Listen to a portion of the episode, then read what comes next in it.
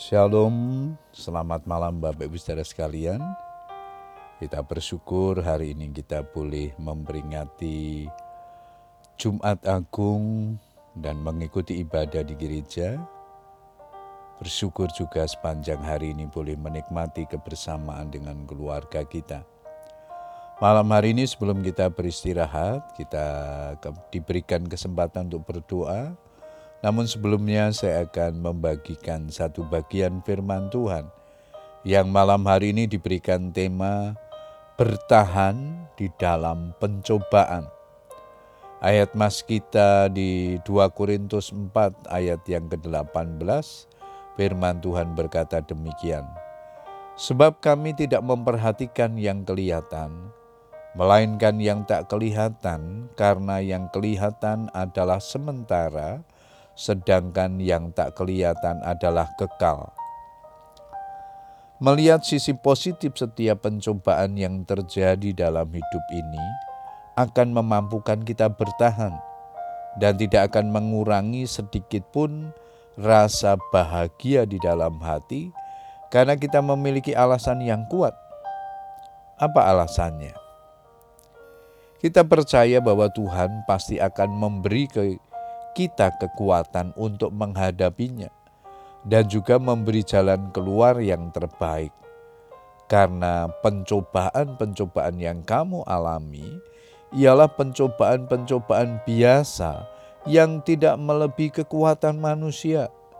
Sebab Allah setia dan karena itu ia tidak akan membiarkan kamu dicobai melampaui kekuatanmu pada waktu kamu dicobai, ia akan memberikan kepadamu jalan keluar, sehingga kamu dapat menanggungnya.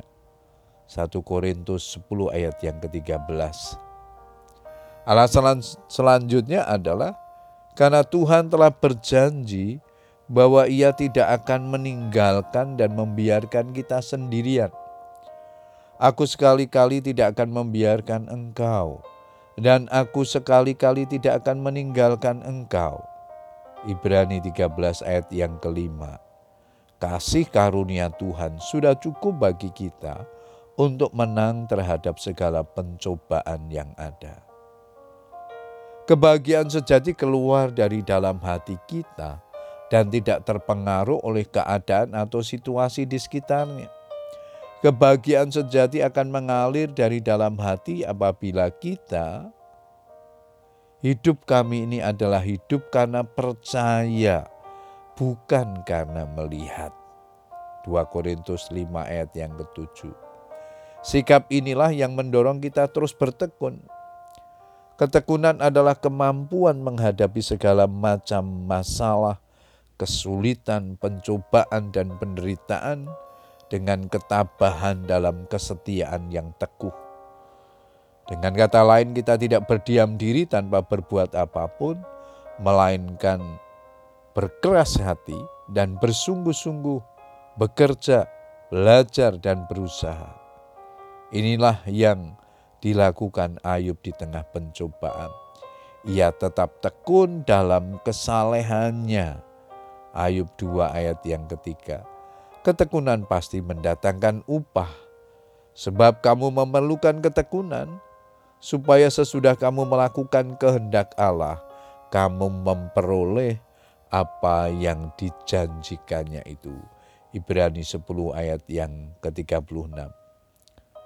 Bapak Ibu Saudara sekalian yang dikasih Tuhan, berbahagialah orang yang bertahan dalam pencobaan Sebab apabila ia sudah tahan uji, ia akan menerima mahkota kehidupan yang dijanjikan Allah kepada barang siapa yang mengasihi dia.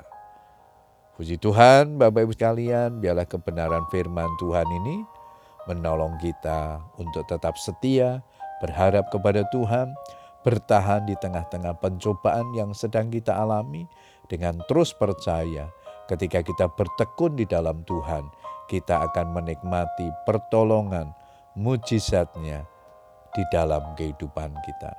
Selamat berdoa dengan keluarga kita, tetap semangat berdoa. Tuhan Yesus memberkati. Amin.